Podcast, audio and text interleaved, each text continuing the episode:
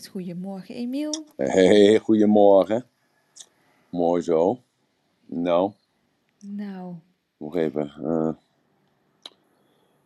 het. eh wacht even, ik moet eventjes eh, kijken, want er staat een bericht bij mij in de backchannel.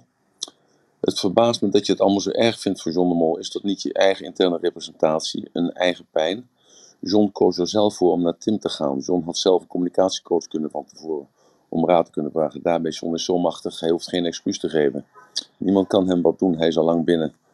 En dat je dan over je ex begint en het zo erg vindt wat zij allemaal doet, wat fout is in jouw ogen. Hoe cares wat zij doet, zoals je ook vaak zegt. Het heeft uiteindelijk een positief iets. Dat zeg je ook bij Hitler dus. Waarom niet bij je eigen ex? Het voelt soms alsof je met twee maten meet. Nou, ik zal de naam niet zeggen. Ehm, dat klopt. Ik meet niet met twee maten. Ik meet wel eens met twintig maten. Natuurlijk is dat zo. En even dan terug te komen dat, eh, dat ik het zo erg vind dat met John Mol, omdat ik ken John Mol natuurlijk persoonlijk, dat is één. Eh, ik vind dat het een eh, tycoon is, ik vind dat het een winnaar is. Dus dat is mijn interne representatie, is mijn oordeel over hem. En ehm, ja, ik vind dat gewoon zo'n man aangesproken moet worden als u. En niet als jij, als, gewoon alsof ik daarmee geknikkerd heb. Wil je nog een glaasje water? Zo. Ehm, is, dat, is dat niet eigen. Ja, het is mijn eigen interne representatie natuurlijk. Een eigen pijn. Ik weet niet of dat voor mij bestemd is of voor John. Eh, John ko- voor John. John koos er zelf voor om naar Tim te gaan. En eh, dat klopt, dat, eh, omdat het een, eh, een kanjer is, die gaat de confrontatie niet uit de weg. John had zelf een communicatiecoach kunnen van tevoren om raad kunnen vragen. Ehm, nou, nee, dat, dat kan natuurlijk niet, want het, eh, hij had natuurlijk wel dat kunnen vragen, maar dat had geen- helemaal geen zin gehad, want hij wist niet wat hij ging zien. Dus hij zat daar in de studio, hij heeft die film gezien, die uitzending gezien, en eh, toen daarna moest hij gelijk commentaar geven. Dus ik heb alleen gezegd dat hij het heel goed gedaan heeft, als hij die emoties, ik heb ook emoties erbij gehad, en jij ook, en iedereen, dat hij daar heel eh, objectief en rationeel op geantwoordde. Zo, daarbij, John is zo machtig, hij hoeft geen excuus te geven, niemand kan hem wat doen. Hij is al lang binnen. Ja, maar daar gaat het toch helemaal niet om of die al lang binnen is, financieel of zo. Het gaat er gewoon om dat, eh, ja, hij is, hij is machtig ook, hij is eh, succesvol. Hij heeft bewezen dat hij iets kan, een trucje kan. De hele wereld eh, heeft hij het aan verkocht. Dus ik, ik vind dat Nederland ook trots op hem mag zijn. En ehm, hij, hij gaat er toch naartoe omdat hij vindt dat hij rekenschap en verantwoording af wil leggen of moet leggen. Dus hij is al lang binnen. Dat, dat financieel bedoel je dat? Eh, ja, maar dat heeft daar niets mee te maken. Eh, dus eh, dat heeft daar niets mee te maken, want hij, dat, dat geld heeft niks te maken met of dat hij genoeg op de bank heeft staan. Heeft niks mee te maken dat hij ehm, wel of niet verantwoording aflegt. En dat je dan over je ex begint en het zo erg vindt wat zij allemaal doet, wat fout is in jouw ogen. Eh hoe cares wat zij doet, zoals je ook vaak zegt. Het heeft uiteindelijk een positief iets. Ja, dat klopt. Eh, maar ik, eh, het, gaat niet om mij, het gaat om mijn kinderen. En ik weet niet of jij kinderen hebt, want het is een mevrouw. En ik weet niet of jij kinderen hebt, maar ehm, ik zie dus wat mijn kinderen daaronder lijden. En ehm, hoe zij zich opstelt. Eh, dan, eh, dan, daar maak ik mij druk om, ja. Dat, eh, dus dus de, het heeft uiteindelijk iets positiefs in zich. Ja, natuurlijk heeft dat, is dat ook zo.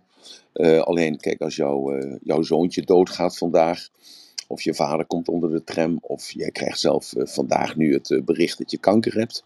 Ik, ik, spreek nu even tegen jou persoonlijk, hè, die mevrouw die dit geschreven heeft. Ehm, dan heeft ook iets positiefs in zich. Alleen, eh, ik ga dat natuurlijk dan niet tegen jou zeggen als je nog in de weerstand zit.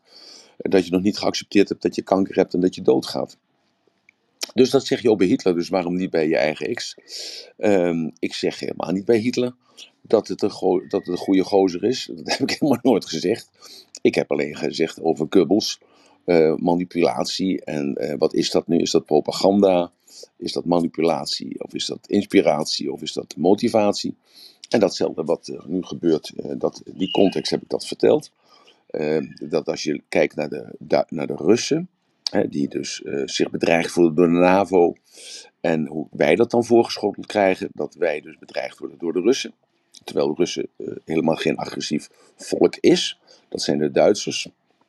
En eh, de, de, de, de eh, Russen zijn niet agressief. Kijk maar naar hun geschiedenis. Die vallen nooit wat aan. Ehm, nou, dus, ehm, dus dat zeg je over Hitler. Dat ik zeg eh, het helemaal niet over Hitler dat een goede gozer is. Dat er iets positiefs uit voortkomt. Ja, dat heb ik wel gezegd. Eh, dus waarom niet bij je eigen ex? Nou, omdat ik dus nog in die verkramp zit. Dat het zo dichtbij is, zoals ik dan tegen jou zou zeggen, als je gisteren dat, eh, die diagnose had gekregen, dan zal ik dat ook niet meteen zeggen. Dan zal ik dat zeggen nadat je daaraan gewend bent, of dat je erin berust bent, gerust, in berust bent. En dat ik dan tegen je kan zeggen van, je kunt er ook op een andere manier aan denken. En je kunt ook kijken van, wat is het positieve eraan? Dus het voelt soms alsof je met twee maten meet. Dat klopt. Ik meet vaak met, niet met twee maten, maar ik meet vaak met tien maten of twintig maten of nog wel veel meer maten. Nou, dus even kijken of die mevrouw in de dingen zit. Nee, ze zit niet in de, in de room. Nou, dus uh, dat uh, maakt niet uit. Ik zal haar een antwoord geven dat ze dus uh, dit, deze room kan afluisteren. Want Ron is er ook weer. Goedemorgen Ron. En dan kan ze het afluisteren. Dat kan gratis en voor niks. en dan, dan, ga ik nu gelijk even typen aan haar. Zo. Dan zal ik eventjes... Kun jij dat ook lezen wat er bij mij staat? Nee hoor. Keuken.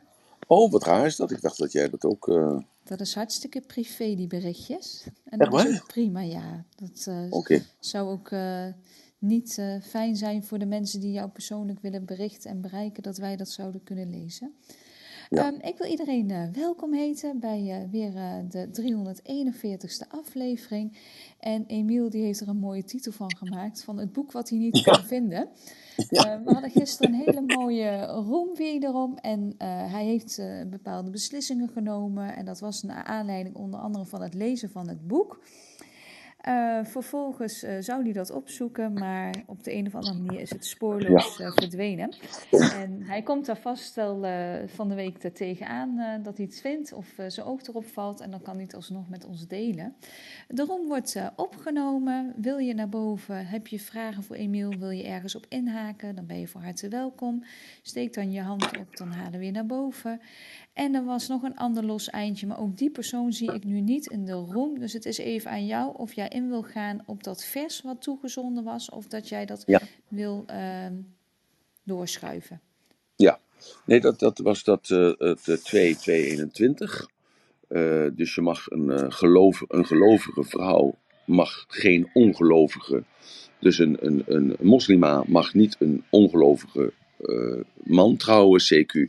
Andersom, dus een gelovige vrouw mag ook geen, uh, geen ongelovige man trouwen. Dat stond dus in, die, uh, in dat verhaal wat ik gekregen had. Uh, even kijken, heb ik dat hier bij me? Nee, dat heb ik niet bij me. En dat is dus niet zo, dat, dat staat niet in de Koran. Hè? Dus een, moslima mag rustig een, een niet-moslim trouwen of een niet-gelovige trouwen.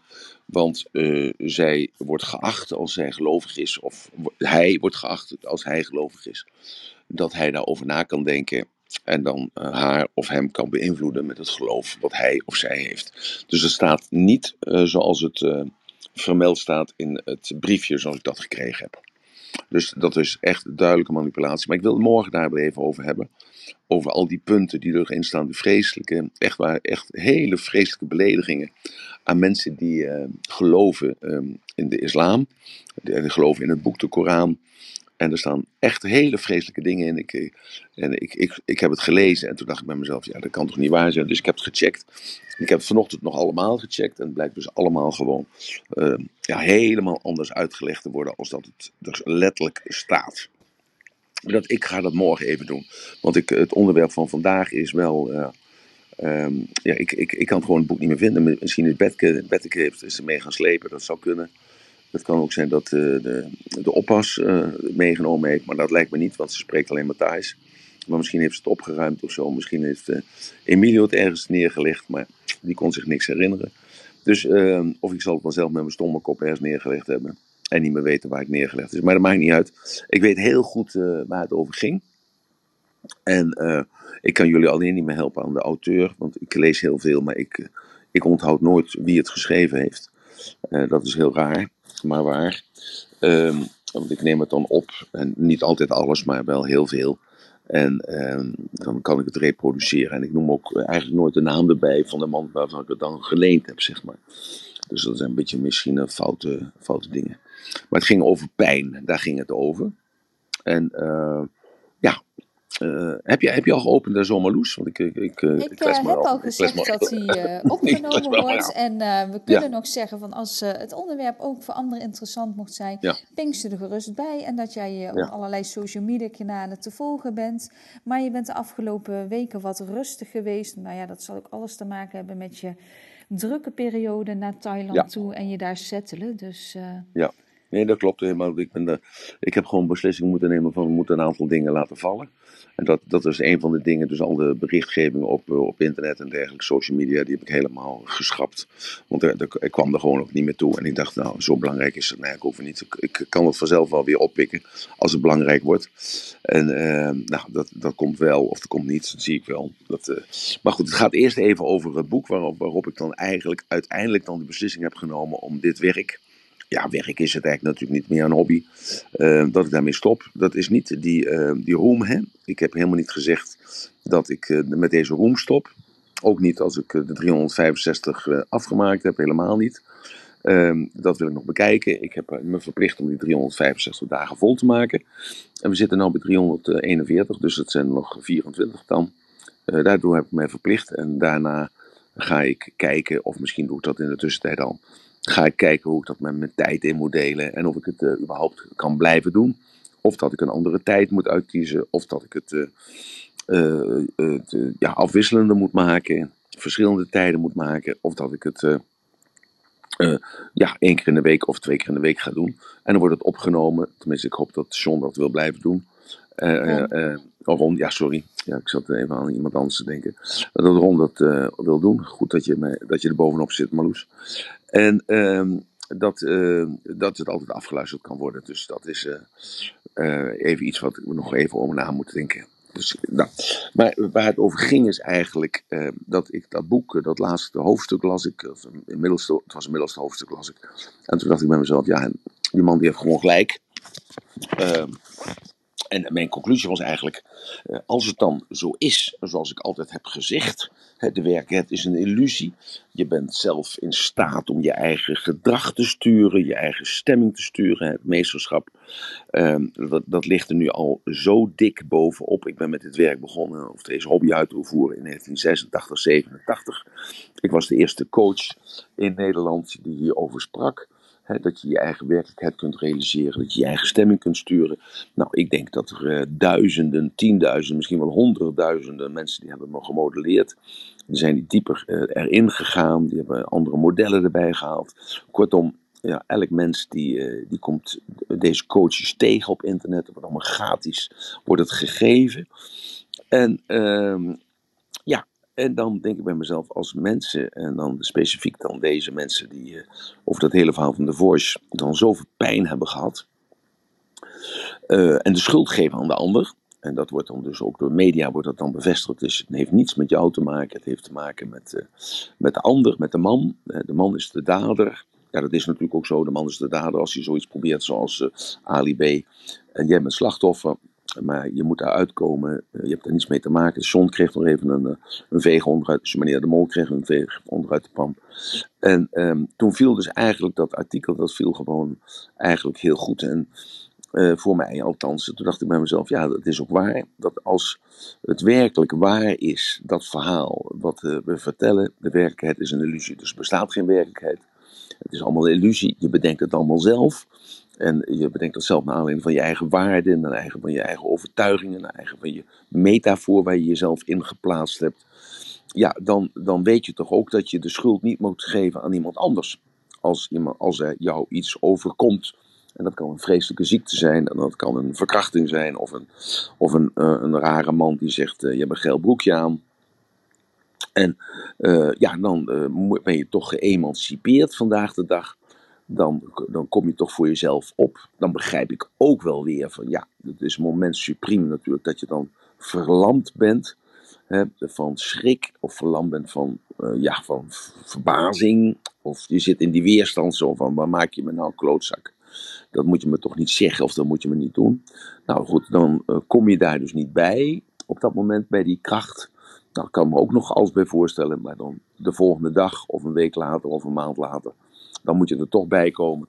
Nou, dan moet je dan ook een flinke meid zijn en dan moet je gewoon aangifte doen of je moet die vent erop aanspreken hè, door middel van brief of door middel van social media of zo. Nee, je wacht totdat andere mensen dus ehm, wel het initiatief genomen hebben en dan in één keer denk je dan bij jezelf, nou, als zij het kan, dan kan ik het ook en dan ga ik dat doen. Nou, dat was een beetje in het kort mijn conclusie dat ik dacht bij mezelf van hé, hey, uh, dan heb ik toch ergens gefaald. Uh, en al die coaches die hebben dan ergens ook gefaald. Want uh, men blijft toch nog de schuld geven aan de ander. En men ziet zijn eigen deel daar niet van. Maar en, uh, inhaken. Ja, natuurlijk. Ik ehm, ben van mening dat je allemaal je eigen werkelijkheid zeker creëert. Want je hebt allemaal je eigen bril op om naar dingen te kijken. Vanuit mm -hmm. uh, opvoeding, vanuit DNA, vanuit uh, wat je mee hebt gemaakt in je leven. En dat als er iets gebeurt en je kijkt met z'n honderden naar diezelfde gebeurtenis, heb je allemaal een andere invalshoek. Want je staat ook allemaal op een andere positie. Uh-huh. Ik kan me voorstellen dat uh, bij bepaalde gebeurtenissen dat je gewoon in die, die vriesstand komt. Dat je echt ja. in die overlevingsstand komt en daarin gewoon ook dingen laat gebeuren of ondergaand. Um, waarvan je later denkt van is dat wel wat ik wil? Dan kan ik me ook nog voorstellen dat je dat ook voor jezelf gaat goed praten. Want je neemt het jezelf misschien wel kwalijk dat je ja. op dat moment niet anders gehandeld hebt of nou, en hoe langer je daarin blijft zitten, hoe moeilijker het ook wordt om daar dan mee naar buiten te treden. Ja, maar dat betekent kan, ja. dan toch niet dat uh, jouw manier van uh, de dingen aanpakken, aanvliegen, uh, je mindset veranderen, het, het, bewustzijn van jezelf vergroten, um, je interne representatie veranderen, dat dat niet degelijk mee kan helpen om iets te verwerken of iets in een ander daglicht te gaan plaatsen. Alleen we zijn allemaal ook mens. En mm -hmm. hebben soms dingen nodig, of uh, haakjes nodig, waaraan je uiteindelijk denkt van... hé, hey, ik wil wel nu bij die pijn stilstaan. En dat komt -hmm. in alle hevigheid naar boven, omdat het verhaal nu door iemand anders verteld wordt. En dat triggert mij weer. Mm -hmm. Maar dan betekent niet dat jij jouw werk niet goed hebt gedaan. Ik denk dat het nog steeds een hele belangrijke manier is om ons bewust te maken van hoe je zelf op een andere manier kan bekijken en ook jezelf mm -hmm. daarin kan sturen.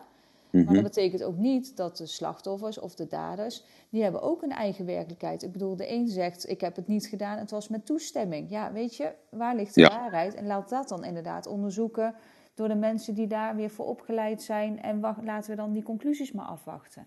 Ja, nee, maar ik ben het daar helemaal mee eens. Alleen ik trek het naar mezelf toe. Ik heb dit uh, toen de tijd ontdekt in Amerika in 86. Uh, hè, dus het, het, werk wat ik nu doe dan, of de hobby die ik uitoefen. Uh, ik heb dat gedaan altijd met een positieve intentie, omdat ik wist van ik help daar mensen mee. En, en nu door dat, dat hele verhaal, en ook dat heeft dat MeToo wat in Amerika gebeurt, dus we weten allemaal wat in Amerika gebeurt, dat is vijf jaar of tien jaar later komt dat hier ook naartoe. nou, dat, dat klopt dan ook. Vijf jaar later, na die Weinstein, komt het hier aanzeilen. Nou, het, uh, maar ik, uh, ja, laat ik eerst mijn verhaal maar eens vertellen. Hè, de, zoals ik daar uh, momenteel in sta. En misschien is dat best schokkend, denk ik, voor heel veel mensen. Als ik dat zo klinisch benader. En um, kijk, ik, ik, kom, ik ben natuurlijk een, een oude witte man. Hè? Ik kom natuurlijk uit een ander tijdperk. En uh, over problemen werd vroeger niet gesproken. Uh, want die problemen waren er misschien wel, maar in ieder geval niet in die erge mate. Uh, we zijn nu in een tijdperk gekomen waar we dus uh, ja, overal over praten, overal te gaan ontleden en alle kwetsbare puntjes uitvergroten, waardoor, het nog, waardoor we nog kwetsbaarder worden. En um, ja, ik heb een aantal verbanden gelegd. En uh, die verbanden die ik gelegd heb, is eigenlijk uh, dat we er eigenlijk niks meer opgeschoten zijn. Nee, we zijn juist met al dat positieve denken en dat, dat sturen van onze werkelijkheid, onze focus en de mindset en alles. En al datgene waar we dus dan ons eigenlijk dan druk om maken, tenminste ik dan me druk gemaakt heb over, over datgene wat ik neerzette. Eh, dat, dat heeft dus een averechts effect. En uh, dat averechts effect, uh, dat is dus eigenlijk dat antwoord wat ik gevonden heb door dus deze geschiedenis van The Voice. Dat werd al opgebouwd door de discussie die we hadden over racisme. Over het feit dat uh, 400 jaar geleden mijn overgrootvader dingen had gedaan die niet door de beugel konden. Dat ik daar mijn excuus voor aan moest bieden. Dat de namen van steden veranderd moesten worden. Dat Zwarte Piet weg moest. Omdat ook mensen waren die zich dus daardoor geïrriteerd voelden. nou, dan het hele transgender verhaal. Waarop ik dan nog een keer gereageerd heb door mijn eigen leeftijd te veranderen. Hè, wat een, natuurlijk alleen maar een soort uh, gag was, een soort uh, uh, idiote reactie om de mensen te laten zien van hoe maf kunnen we zijn met z'n allen. Hè, dus als, als je 71 genders hebt, dan, dan, nou, dan kun je ook je leeftijd veranderen.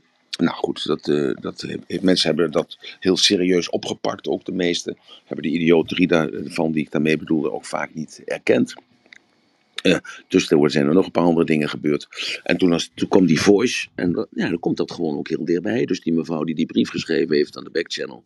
Die heeft er ook gelijk in. Hè? Dus ik meet met twee maten. Want ik, ik heb een ander beeld van meneer de Mol. Als dat ik heb van Tim Hofman. En ik, ik vind gewoon dat het heel netjes is om meneer de Mol aan te spreken met meneer. En niet jij, jou, jullie en, en hun. En dat, ik vind dat gewoon niet netjes. En, uh, en hem daar in de beklaagde bank neerzetten, gewoon verkeerd belichten, niet, niet op laten maken, gewoon hem overvallen met iets. Ik, ik vind dat niet, niet passen. Maar goed, dat, dat zijn mijn waardeoordelen, dat zijn mijn vooronderstellingen, mijn overtuigingen. Is mijn interne representatie en die mag ik af en toe ook een keer zeggen, toch? En, uh, maar goed, maar ik, ik ben er dus even ingedoken. Ik heb alles op zijn kop gezet om dat boek te vinden. En uh, vannacht om 12 uur geloof ik dacht ik, uh, weet je wat, stop er nou maar mee, want het heeft helemaal geen zin. ga er maar even voor zitten en ga maar eventjes kijken van wat nou de essentie van, van, van het boek was. Nou, de essentie van het boek was, wat, dat is namelijk, wat is de functie van pijn? Zo, dat was de essentie van het boek. Wat is nou de functie van pijn? Nou, en, uh, en, en, daar wil ik het nou even over hebben. Ik denk dat het best heel interessant is om daar eens naar te luisteren en eens te kijken hoe ik dat nou neergezet heb en hoe ik dat dan uiteindelijk dan, uh, ja, die functionaliteit van pijn, hoe ik dat dan vertaald heb naar vandaag de dag. En wat dat heeft te maken met die seksuele ja, hoe, hoe, hoe, hoe, zeggen ze het ook alweer? Die seksuele intimidaties of zo, waar die vrouwen dan onder lijden. En waar je ook niks over mag zeggen, want dan ben je natuurlijk een uh, viezerik of dan neem je het gelijk op voor die ander of zo. Nou, dus uh, wat is nou de functie van pijn? We hebben het eerst zo.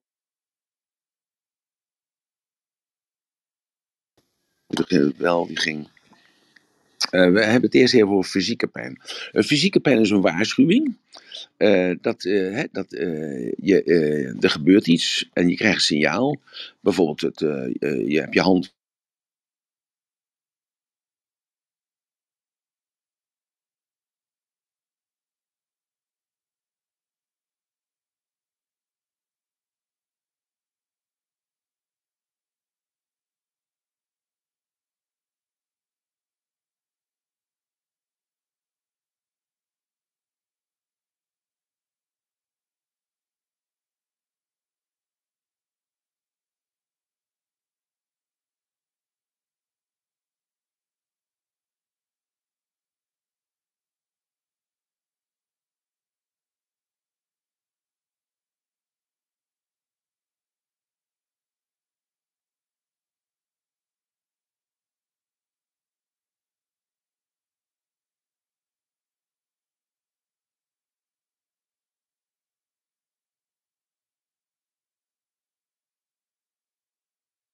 En die probeert eruit te wormen. Of je gaat naar de, uh, de manicure of de pedicure toe, die die nagel eruit haalt. Want die pijn, dat vind je gewoon niet prettig. Zo, dus die nagel die groeit scheef, want je hebt hem zelf ooit eens een keer ingeknipt. En ja, dus daardoor groeit die, die, nagel groeit dus in, in je teen. Zo, een maagkramp is, uh, is ook iets. je hebt iets verkeerd gegeten, daar leer je van. Betteke had gisteren bijvoorbeeld iets gegeten gisteren bij de Japaner. En daar reageerden ze negatief op. En toen dacht ik bij mezelf, ja, ze is net zo kwetsbaar als ik. Want ik had er een, stukje gedroogde uh, varkenshuid gegeven. en ik heb zelf een, een, een allergie tegen varkensvlees. En ja, hoe dat nou kwam, weet ik niet. Maar in ieder geval, ik had dat product besteld voor Emilio. Die vond het hartstikke lekker. En zij vond het ook lekker, maar ze heeft ontzettende maagkramp gehad, ontzettend gepoept en fout gegaan. Nou, dus die maagkramp heeft dus een, een teken van, jongens, jij moet uh, geen varkensvlees eten. Of je bent buiten adem, hè. vanochtend was ik aan het sporten en ik was gewoon na 15 minuten was helemaal buiten adem. Ik voelde mijn hart uh, klompen boven. Nou, dus uh, de volgende keer morgen moet ik gewoon iets minder hard lopen. En je steken in de borst, bijvoorbeeld. Ik heb de laatste tijd, ik heb een paar keer verteld, ontzettend last van mijn, van mijn rechtervoet. Uh, nou, ik heb er naar gekeken en er was dus een soort botje was er vergroeid. Toen dacht ik, hé, dat had mijn moeder ook. En, en, toen heb ik verder gevoeld en toen dacht ik van, ja, maar luister, maar eigenlijk komt het door mijn knie. Het, het, is niet alleen dat ik me verstapt heb of dat ik me versprongen heb 40, 30 jaar geleden. Maar er komt die... Hallo mensen, um, Even ronden tussendoor. Uh, ik uh, zat in de auto en ik kreeg op dit moment, je hoort het al, ietsjes wegvallen. Uh, de wifi werd, of tenminste mijn uh, verbinding werd heel slecht. Dus er mist een klein stukje, een paar minuutjes. En dan, gaat, deze, dan gaat hij gewoon weer verder waar ik hem weer oppakte. En helaas iets verderop, ook wel heel even heel kort, maar dat, dat is maar een, een minuutje of zo. Maar nu een paar minuutjes missen we en dan pakken we de draad weer op. Sorry voor het ongemak. In je oor zodat je, je hebt een, een, een behoor, heel hoor, hoor, horend geluid en dan een heel hoog geluid. En dat, eh, dat is een snijdende pijn. Dat gaat als een mes gaat dat door je oor heen. Of je hebt een schietende pijn. En dat is dus dat, je, dat een zenuw zich ontlaat. Zo, hoe behandel je die pijn? Nou, die, uh, dan moet je dus eerst meten en documenteren. En uh, ja, dan moet dat verdoofd worden. Hè? Dan moet er dus uh, iets mee gebeuren. Zo, en, als het, uh, en, en dan moet je dus bij zijn. Dus je moet die pijn voelen of je wordt gemanipuleerd, hè, zoals gisteren dat gezegd heb, met je, met je lijf wordt gemanipuleerd. En dan verdwijnt die pijn, of die pijn wordt handelbaar, of in ieder geval begrijp je wat daar achter ligt. Nou, datzelfde is met die, met die kies. als je een gat, in die, een gat in je kies hebt, dan ga je naar de tandarts toe en dan doe je daar gewoon wat aan. Zo heb je verschillende soorten, soorten pijn. dat is in je lijf. En uh, zo heb je ook uh, mentale pijn. Hè? Dus, maar uh, daar zit een onderscheid in. Je hebt een geestelijke pijn, je hebt een zielenpijn, je hebt mentale pijn, emotionele pijn. Zo, en wat is nou het verschil? Een geestelijke pijn, dat is dus, um, ja, dat is bijvoorbeeld als er iemand doodgaat. Dan, dan, dat begrijp je niet, daar valt ook niks aan te begrijpen. Ja, verstandelijk begrijp je het wel dat er een tijd van komen is en een tijd van gaan. Maar je voelt je alleen gelaten, je voelt je tekort gedaan, je bent verdrietig, je bent eenzaam. Dat is een, een, een geestelijke pijn. Een, een, een, een zielenpijn, dat is een pijn die uh, heel, heel, heel diep van binnen zit. En daar kun je niks aan doen. Dus dat is iets, het, het raakt je ziel. En daar heb je pijn aan, aan die ziel. Dat is dus een hele ander soort pijn als die geestelijke pijn. Dat is, het is onverklaarbaar, die pijn die is daar. Misschien weet je wel waar het vandaan komt, maar het is diep en intens en je kunt er niks aan doen. Dan heb je mentale pijn. Nou, dat kun je beschrijven. dat, daar kun je die submodaliteit op loslaten. Daar kun je die focus mee veranderen. En dan uh, heb je emotionele pijn. En dat, die ontstaat door uh, minder ontwikkelde delen die niet ontwikkeld zijn. En dat je daar dan, uh, ja, die, die kun je sturen, uh, die kun je verklaren. Uh, kun je die overtuiging over veranderen. Dus daar kun je mee aan de slag. En die emotionele pijn die kan dan verdwijnen, waardoor je dus weer helemaal lekker in je vel zit. Zo, dus en, en hoe komt dat nu eigenlijk dat die, die pijnen die er zijn, hè, dus geestelijke pijn, zielepijn, mentale pijn, emotionele pijn, hoe komt dat nou uh, dat die fysiek eh, voelbaar zijn? Want dat is natuurlijk heel belangrijk. Dat komt omdat die uh, ontstaan in het emotionele hersendeel. En ja, je hersenen zijn vlees, dat is vaker uitgelegd. En die pijn die je daar ervaart, die ervaar je dan ook fysiek. Dus je voelt het als het ware fysiek. Nou, en ik, ik verwoord dat wel eens vaker. Dat pijn is een etiket op een uh, lichamelijke sensatie. Uh, maar het komt eigenlijk uit je hoofd. Dus deze pijnen dan. Hè?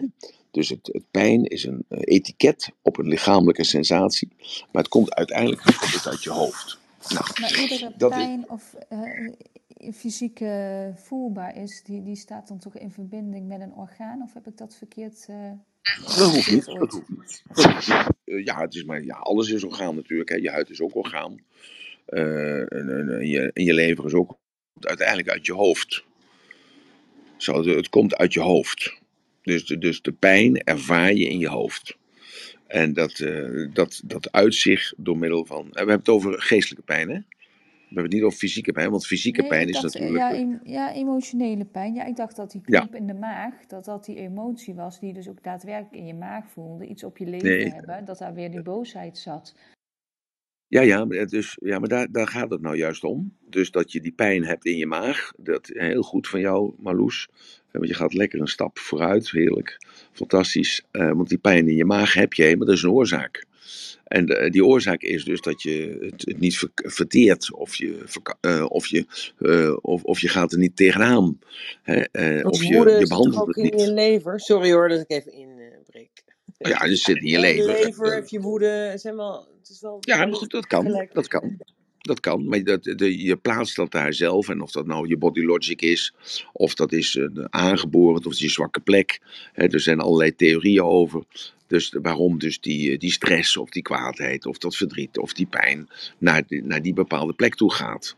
Dus daar, daar, daar kunnen we ook nog een keer een heel verhaal over houden. Maar het gaat er gewoon even om, om, te, om te uiten dat als je dus een emotioneel iets hebt, dat dat dus voortkomt uit iets, uit je gedachten uit dat emotionele deel. En dat het zijn weerslag heeft in de fysiek. Dat is, eh, ik hoop dat ik dat duidelijk zo zeg. Leg ik dat zo duidelijk uit? Je Emine? Ja, ik snap Ja? bedoelt.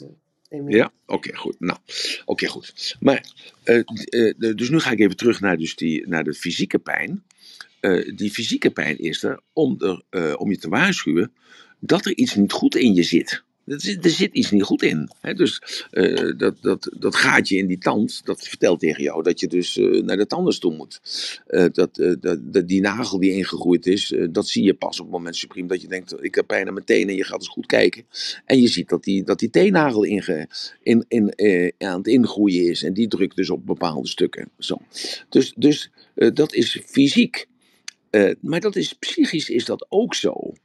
Alleen dat psychische, dat is veel moeilijker om daar achter te komen eh, dan het te duiden als het fysiek is. Want je kunt met je vinger wijzen naar je knie, of je kunt met je vinger wijzen naar je hoofd, of je kunt met je vinger wijzen naar die kies, of Maar naar je buik. eh, volgens mij is er wel eh, zoiets dat, dat er een soort parallel is. Als jij dus bepaalde emoties heel sterk altijd voelt, dat dat ook zich uiteindelijk gaat uiten. En dus dan kom je toch bij die organen terug. In bepaalde organen van je lichaam, volgens mij. Dus dat is dan toch ook die verbinding heel sterk van. Maar dus niet zo letterlijk van, oh, ik heb pijn in mijn knie, dus ik moet naar de, naar de kniearts. Hè, om even heel simpel te Maar Ja. ook echt, ja, dat je gewoon, eh, nou ja, maar dat zeggen ze, op, iets op je lever hebben. Daar komen die hele oeroude ehm gezegdes ook volgens mij vandaan, weet je wel. Ja, Dat, eh, ja. Maar dat Nee, is dat- puur ook, ook, eh, behalve, ja. je hebt wel gelijk dat het ontstaat natuurlijk door emoties. Hè? Het zijn Ja. emo- onverwerkte emoties, volgens mij. Ja. Ja, maar daar gaat het om. Hè? Dus het gaat erom dus dat, dat, dat dus die, die geestelijke pijn, ik wil even bij die geestelijke pijn blijven, dat, dat, eh, dat je dat niet er, erkent. Hè? En dat je daar dus eh, op een gegeven moment toch last van krijgt. Eh, of je erkent het wel en dan ga je daar gewoon mee aan de slag. Maar ik, ik wil gewoon even een verband leggen. Dat, kijk, ik ben dus een, een oude blanke man. Eh, dat ik vroeger, ik ben nog in dat tijdperk opgegroeid. Dat je een pijn voelde. En dat gezegd werd, je moet gewoon doorlopen. Of dat je ziek was, ja, gewoon, eh, je moet gewoon doorlopen. En er waren geen psychische problemen. Die waren er niet. Want die bestonden niet, want er was namelijk geen laadje, geen kastje uitgevonden om dat te kunnen benoemen.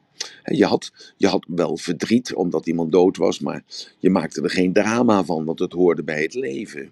Je ging van je vrouw of van je man af en dat was natuurlijk, eh, ja, dat, dat was van buiten, was het eh, falen. En eh, dat voelde wel goed of niet goed, maar in ieder geval, je moest daar niet over zeveren, je moest gewoon doorgaan, want er is geen tijd voor. Zo, dus dat is eh, 50 jaar geleden was dat zo. Nou, Emine, je, je bent niet zo, nog niet zo oud als ik, maar volgens mij heb je wel eens een keer gezegd daar iets over, hè, dat, je, dat je ook nog een beetje in dat tijdperk gezeten hebt. Eh, eh, Is het niet Amine Ja, ja, ja, Dat- zeker weten. Nee. Maar ik. dat, Ja. Nou, ehm, ja, precies. Maar dan, ze Ja, men zeg stopte het weg. Je mocht er niet eigenlijk over praten. Maar dan uiteindelijk werden die mensen wel ziek, weet je. Dat is natuurlijk toch... De ziekte was er natuurlijk altijd al, toch? nee, Lichamelijk. nee, ehm, ja, ja, alleen. Niet eh, was, geestesziekte, eh, maar, een, ja, juist. was gaga. bedoel, eh, Juist, juist, juist. tante die is toch, die was echt, ik weet helemaal niet wat ermee gebeurd is, want het was in Griekenland en niemand sprak daarover, maar die kon Ja. ook een huwelijk niet verwerken bijvoorbeeld, geestelijk. Ja. En die hebben ze wel mooi opgeworgen, weet je. En, eh, Ja. Dus ze is wel degelijk, was toch wel, alleen ze werden gewoon allemaal op, ergens een beetje weggestopt, wat jij zegt Ja. Daar werd ja, niet ja, over gepraat. Ja, of Ja, er werd er gezegd, over dat is eh ome Piet, eh, die, eh, hè, ja, die is een beetje gek of apart, weet je. Maar dan Ja. maar die was dan meteen, um, ja, dat was meteen de dorpsgek, bedoel je? Ja, zo ongeveer bij Maar, maar wijze dat, van. dat waren dan. Ja, maar ik, we geven dus duidelijk aan. Dus Marloes is de jongste van ons drieën, geloof ik. Maar eh, Marloes, die weet het zelfs dus nog. Hè, dat waren dan echt de mensen die hadden daarboven dus iets los zitten. Hè? Dus eh, die, die waren dan ook, eh, dat zag je dan fysiek ook wel aan hun wilde ogen. Of je zag dat dan aan hun abnormale bewegingen.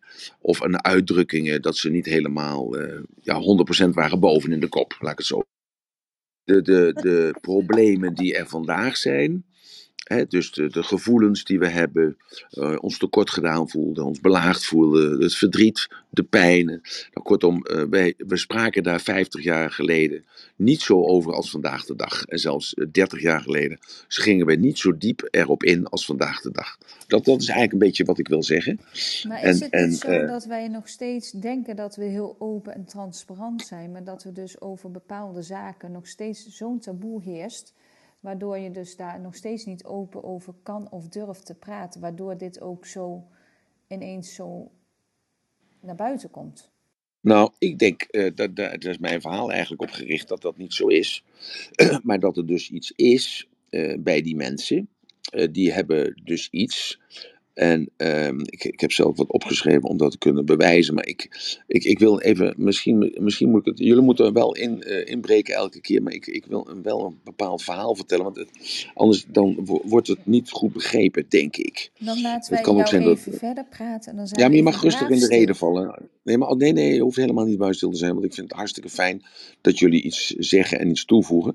Alleen ik ben zo bang dan eigenlijk dat ik mijn punt niet kan maken, wat ik eigenlijk wil zeggen. want uh, de, dus, maar de, dus af. die, Maar ik weet Ja, al waar je naartoe jawel. gaat. maar Emine, lieve schat, je mag er, nou ja, dan mag jij dat wel vertellen dan, als, als je dan weet wat naartoe gaat. Nou ja, nee, ehm, doe maar. Ik, ik wil het wel vertellen, maar dus, laat, Ja. jij vertelt het altijd zo mooi en wollig en Ja. uitgebreid. Dus dat is heel goed. fijn. Ja. Ja, moet ook niet uitgebreid zijn, want eh, goed. Nou, dus, eh, dus, eh, dus we hebben een psychische uitdagingen, dus geen problemen, maar uitdagingen in ons hoofd. En als er dus dan iets gebeurt, hè, dat zijn dan die negatieve ankers, dan, dan wordt dat getrokken, die emotie. En dan zijn we helemaal uit ons doen. En dan, eh, eh, dan weten we niet meer wat we doen, want ons, eh, onze emotie is dus dan helemaal van slag. En dus ons gedrag hetzelfde laken en een pak. Maar er zit dus iets, iets onder, onder die, die, uiting. Want er zijn gradaties hè, bij die pijn. Hè? En eh, vroeger werd daar dus niet over gesproken. Dat was gewoon niet benoembaar. Dus dat is er 40, 50 jaar geleden. Eh, vroeger was het dus gewoon, gewoon doorgaan. Het gaat vanzelf over. Eh, nou, er waren dan, je had natuurlijk die feesten, zoals carnaval, en er werd te veel gezopen. Eh, er waren rituelen, bijvoorbeeld in de fase van de tijd. Je werd besneden, of je werd ingewijd, of je werd gedoopt, of je, je ging eh, met pensioen, of zo. Er waren dus altijd eh, momenten in dat, dat je toch kon verdoven door middel van drank of door allerlei eh, andere zaken. En, ehm, maar dat, dat doodpraten, wat, wij, wat we vandaag dag doen, dat, dat bestond helemaal niet. Dus met andere woorden, eh, het is net als met iets fysieks, met fysieke pijn, eh, proberen we dat te verdoven. Da- dat, daar gaat het eigenlijk namelijk om. We, we, we gaan ons, we, we hebben ons een, eh, een, een eh, ja, hoe moet ik dat nou zeggen? Eh, we hebben die, pijn, die fysieke pijn, die hebben we eh, v- vroeger, had je gewoon pijn in je kies. En dan ging je naar de tandarts en dan boorde die je. En dan, dan kwam je thuis en dan was die kiespijn was voorbij. Vandaag de dag ga je naar de tandarts en je laat je verdoven. En dan laat je je boren en dan komt thuis en dan heb je een beetje napijn. En dan, ehm, ja, dan is, de kiespijn weg. En zo is het ook als je geopereerd wordt. Eh, vroeger, als je die beelden nog ziet uit de oorlog, dan was er geen eh, verdoving. Eh, de- dat been werd afgehakt. Die man die moest op een stuk hout bijten, of die vrouw op een stuk hout bijten, of, of die moest eerst een liter jenever opdrinken. En dan was hij zo bezopen dat hij niet voelde dat dat been geamputeerd werd. Zo met, ik, ik, wil aan, ik, ik, ik, ik, ik zeg niet dat we daar naar terug moeten, naar die tijd. Ik zeg alleen, de grens daalt dus steeds meer wanneer wij die pijn voelen. Dat is wat ik zeg. en, en, en dan heb ik het dus over. Over fysieke pijn. Dus die, de, de pijngrens eh, wordt alleen maar lager. Bijvoorbeeld de bevalling. Nou, eh, ja, ik heb dat gezien, moet luisteren. Ik heb het een paar keer meegemaakt, een stuk of zeven, acht keer. Ja, ik vind het natuurlijk mensonwaardig. Ik heb ook al geroepen tegen de gynaecoloog of tegen de eh, dus eh, zet er een spuit in.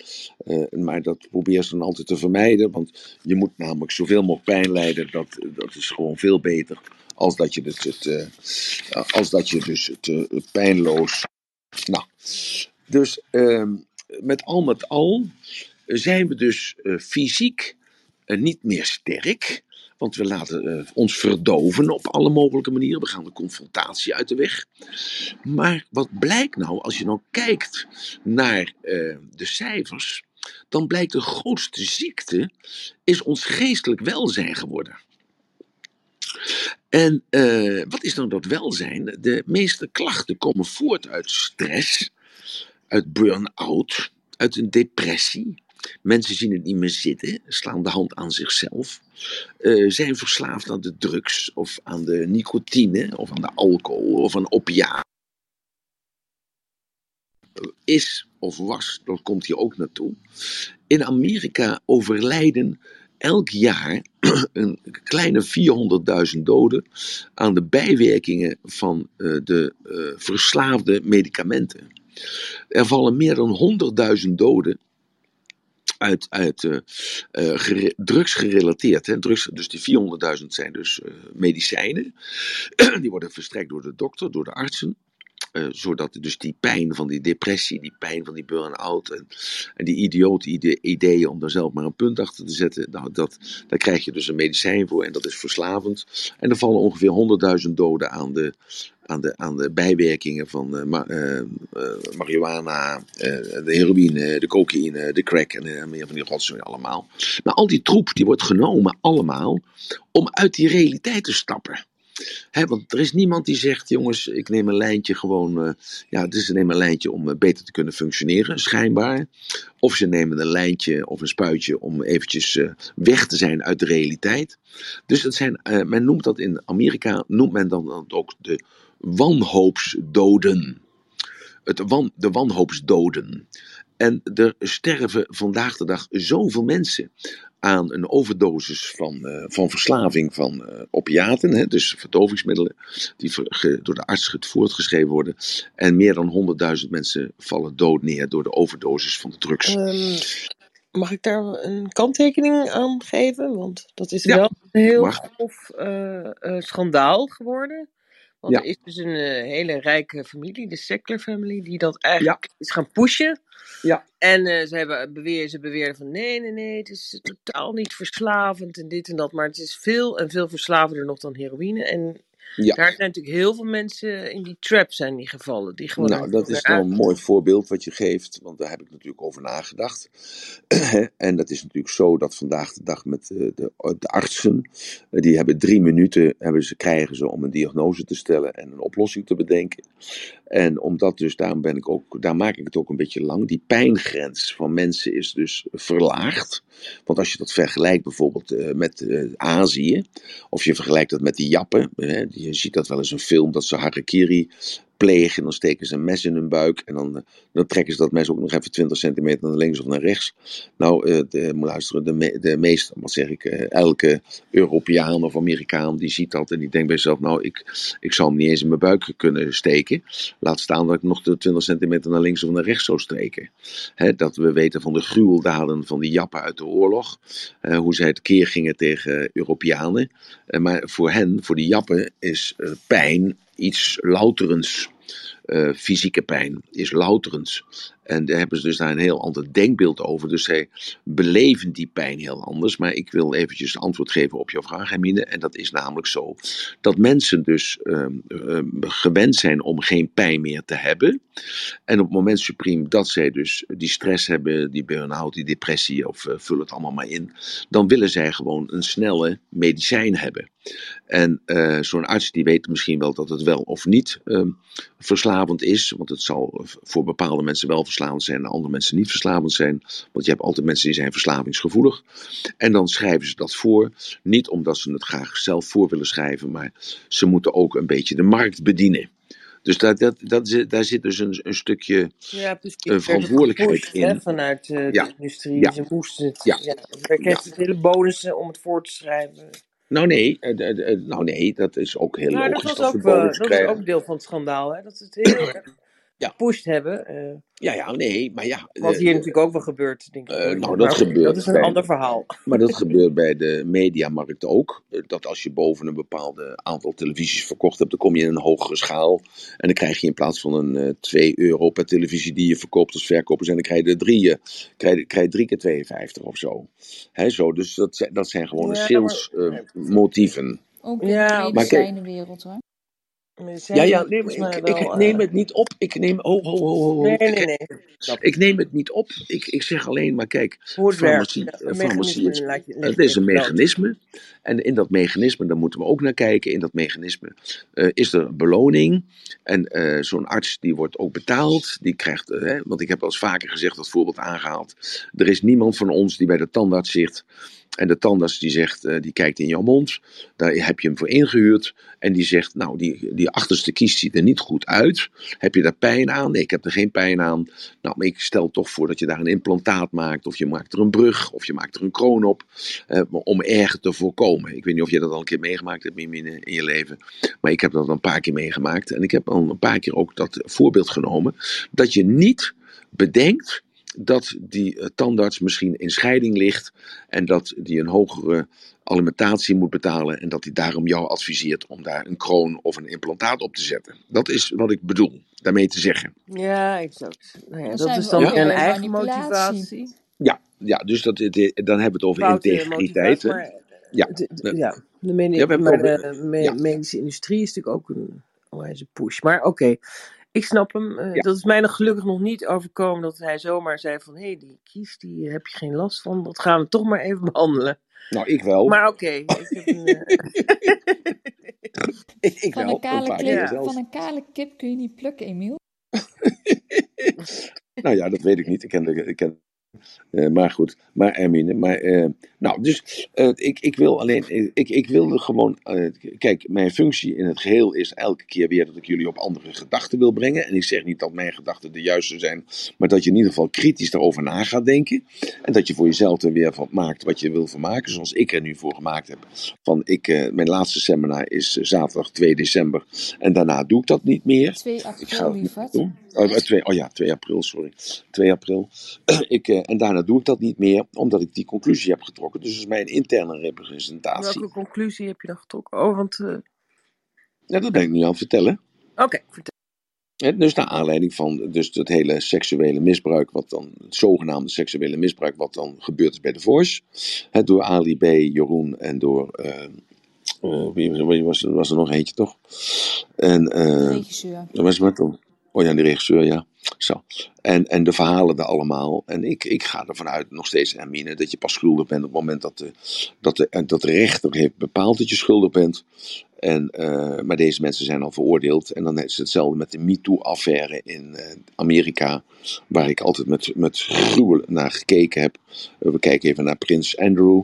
Ja, dat die vent eh, misschien eh, naar de hoeren is geweest. Of dat hij misschien een vriendinnetje heeft gehad. Dat weet ik niet. Maar ik maak me sterk, want ik vind zo'n droogkloot. Maar, eh, ja, maar dat die kinderen van 17 jaar verkracht heeft, dat vind, ik, nogal wat. En vooruitlopend heeft zijn moeder zich al van hem gedistanceerd om al zijn titels af te nemen. En straks wordt hij misschien vrijgesproken of hij wordt toch eh, beschuldigd. Maakt het allemaal niet uit. Maar het gaat er even om dat voor mij mijn rechtsgevoel eh, aan alle kanten verkracht werd en wordt door iemand zoals Ali B. en die Jeroen eh, te, eh, neer te zetten door iemand die incognito verschijnt op de tv. Eh, eh, ook allerlei acteurs die spreken dus teksten in die op een schrijverskamp zijn gemaakt. Dat stond eronder. En eh, ondertussen ja, hebben de kinderen van Ali B. die komen thuis of die gaan op school. Of de kinderen van Marco Borsato die komen op school of die hebben een eigen baantje. En die moeten dat allemaal verwerken. En ik heb dit zelf ook meegemaakt. Dus dat mijn kinderen ook ter verantwoording geroepen werd over datgene wat, zijn, wat hun vader dan zogenaamd uitgevreten had. Zo, dus ehm, Ja, dat ben ik wel met je eens. Ik vind ook eh, dat dat eigenlijk gewoon te vroeg allemaal al eh, ja, eh, aangenomen wordt dat het allemaal waar is. Wat misschien ook best wel zo is. Maar Ja. ik denk wel dat we het even af moeten wachten. maar we hebben met elkaar afgesproken dat de rechter Plus daar. ook, ja. We zijn Ja. allemaal ook. Ja, en, en alle contracten zijn opgezegd van Marco. En de contracten zijn opgezegd van Ali B. Eh, dus eh, die Rietbergen die zit dan in Amerika, als ik het goed begrepen heb. Nou, zijn vrouw heeft gezegd, eruit jij. Ja, eh, want die kan dat, kon dat ook niet Rietberg verwerken. en Vieserik.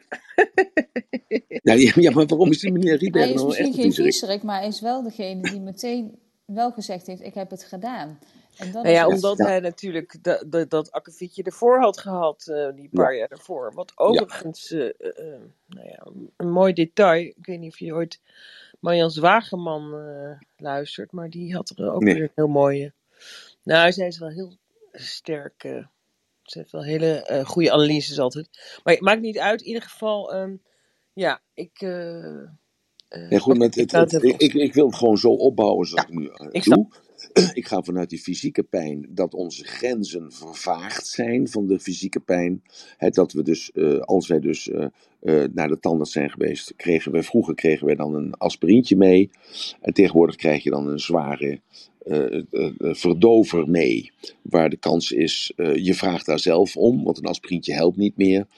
omdat je niet meer gewend bent met fysieke pijn om te gaan. En dat is dan bijvoorbeeld weer eh, het, het, het, het, klimrek van school, waar vandaag de dag geen betonnen tegels meer onder liggen, maar er liggen rubbertegels onder.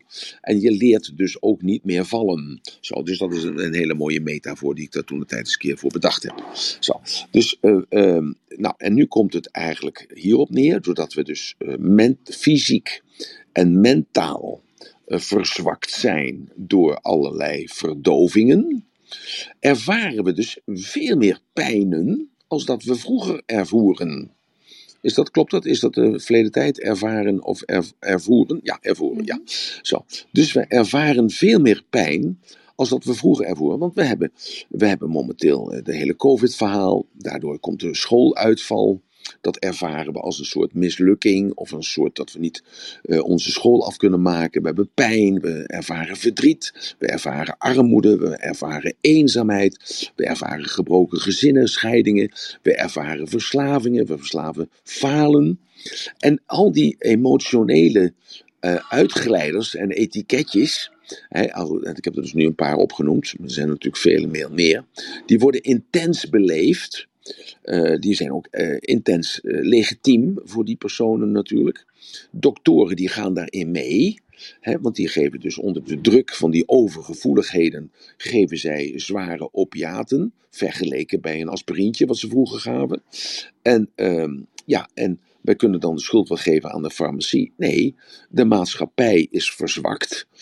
Dus dat geestelijke, en, ehm, geestelijke pijn en fysieke pijn, eh, dat wordt eerder waargenomen. Daardoor geeft de farmacie, dat is, een, dat is een, gewoon ook, een, ook iemand die geld wil verdienen gewoon. Dat is niks vies aan. Dat wil een, de kruidenier wil dat ook. En eh, jij wil dat ook met het verkopen van je seminars, of het verkopen van je hypotheken, of het verkopen van je diensten. Dus eh, nee, die maatschappij is verzwakt. Daardoor daardoor moeten die opiaten eh, moeten dus zwaarder worden. Want die moeten, die moeten in ieder geval effect sorteren. En, eh, ja, en als je dan kijkt bijvoorbeeld naar corona. Ik, ik heb net, net gisteren dat, dat artikel gelezen daarover. Kijk, ik ben altijd eh, de mening toe geweest dat die corona is een soort griep. En eh, ik heb het ook een paar keer verteld. En ik, ik heb hem wel laten eh, vaccineren, want ik moest vliegen, dus dat was noodzakelijk. En heel veel mensen die zeiden tegen mij, nou dat, eh, dat is hypocrisie. Je bent niet, eh, niet eerlijk, je, je bent daar tegen, je hebt je wel laten vaccineren. nou, ik heb dat proberen uit te leggen, maar, dat, Maar heel met veel jou mensen... hebben dat die- heel veel gedaan. Omdat ze anders Ja, maar niet ik- seconden. Nee, nee, maar dit- oké, ik ben bekende Ik wou nog Nederlander. één puntje. Sorry, even terug naar dat de maatschappij zo zwak is geworden. Ik wil ook wel even erin bijbrengen dat de maatschappij ook ontzettend veranderd is. En veel eh, heftiger is geworden. Ik bedoel, als jij het over eh Dat is 30 interne jaar geleden hebt alleen al. Dat is, to- ho, ho, totaal ho, ho, andere... ho, ho, ho. Dat is, eh, Nou nou, ja. vergelijk, vergelijk het dan met de oorlogsslachtoffers dan. Zijn we het nu dan slechter dan? Eh, En, en ik mensen denk die toch dus... dat eh, het wel anders, in ieder geval anders binnenkwam. Omdat je nu natuurlijk zoveel eh, informatie de op Juist. Het is die hebt. sociale Nee, ja, ja. media die de Ja, maar- maatschappij Ja. versnelt. Nee, niet de schuld geven aan de ander. Want Nee, ik maar denk... ik denk wel dat Ja. daardoor wel die burn-outs zo ontzettend hoog zijn. Omdat gewoon je de hele tijd die druk voelt die vroeger toch anders was. Nee, dat die druk was er vroeger van, eh, helemaal niet. Die Nou druk ja, was er helemaal niet. ervaring wel in ieder geval. Nee, die druk was er vroeger helemaal niet. Want ik, ik, ik, kan mij nog, eh, ik weet nog dat ik eh, twee korte broeken had. De een was te klein, de ander was te groot. Ik heb dat nooit ervaren als zijnde eh, dat dat discriminerend was of dat het armoede was of zo. Ik heb er gewoon het beste van gemaakt. Dus ik heb daar niet onder geleden. Het is wel voor mij een motivatie geworden om ervoor te zorgen dat ik de knaken in mijn zak heb. Dat heb ik wel eens vaker gezegd. Maar ik heb er niet onder geleden. media zorgt er wel voor dat iedereen eh, zijn mooiste leven op social media zet. Niet iedereen, hè, maar en daar wordt wel tegen opgekeken en dan wil je aan die norm voldoen. Dus je, Ja, je, je groeit maar die waren er andere vroeger manier ook. op. Ja, maar, Ja, maar vroeger was- anders. ja, Want het maar- is maar nu, vroeger je klikt en je hebt op tien verschillende kanalen ja. hetzelfde. Maar, maar oké, maar eh, kijk nou eventjes naar mensen En dat die... eh, broekje was gewoon, eh, je was ge- geshamed waarschijnlijk op social media in deze tijd. Dan was je gewoon nee. heel rottig Nee, gevoeld. maar laten we nou even, maar laten, laten we even Oké. kijken gewoon. De gemiddelde leeftijd van mensen dus die in de jaren 60 of 50, 60... was de gemiddelde leeftijd dat je doodging was eh, in de 60. Dat is momenteel in de 80. Ja, dat is één. Mensen die de oorlog meegemaakt hebben... eh, die hebben recht om te zeggen... ik ben, ik ben, ik ben traumatisch eh, en, en fobisch ben ik eh, daaruit gekomen. Hè, mensen uit het, die, het, die het concentratiekamp hebben overleefd. Nou, maar luister, dan, dan denk ik gewoon als we dat badineren, als we dat kleineren, dan denk ik dat we, en, en we, leggen dat op dezelfde schaal als de pijn en verdriet en de armoede en de eenzaamheid en de stress die we nu hebben, omdat we dus niet mee kunnen doen met mensen van social media. Nou, dat is wel even een andere orde van grootte. Zeker. Uiteraard, uiteraard. En- maar en, eh, de als hele ik even- bevolking is daarin geweest. Nee, en wat nee, er nu eh, maar, gebeurt is eigenlijk wereldwijd krijgen we, voel je gewoon constant die druk eigenlijk.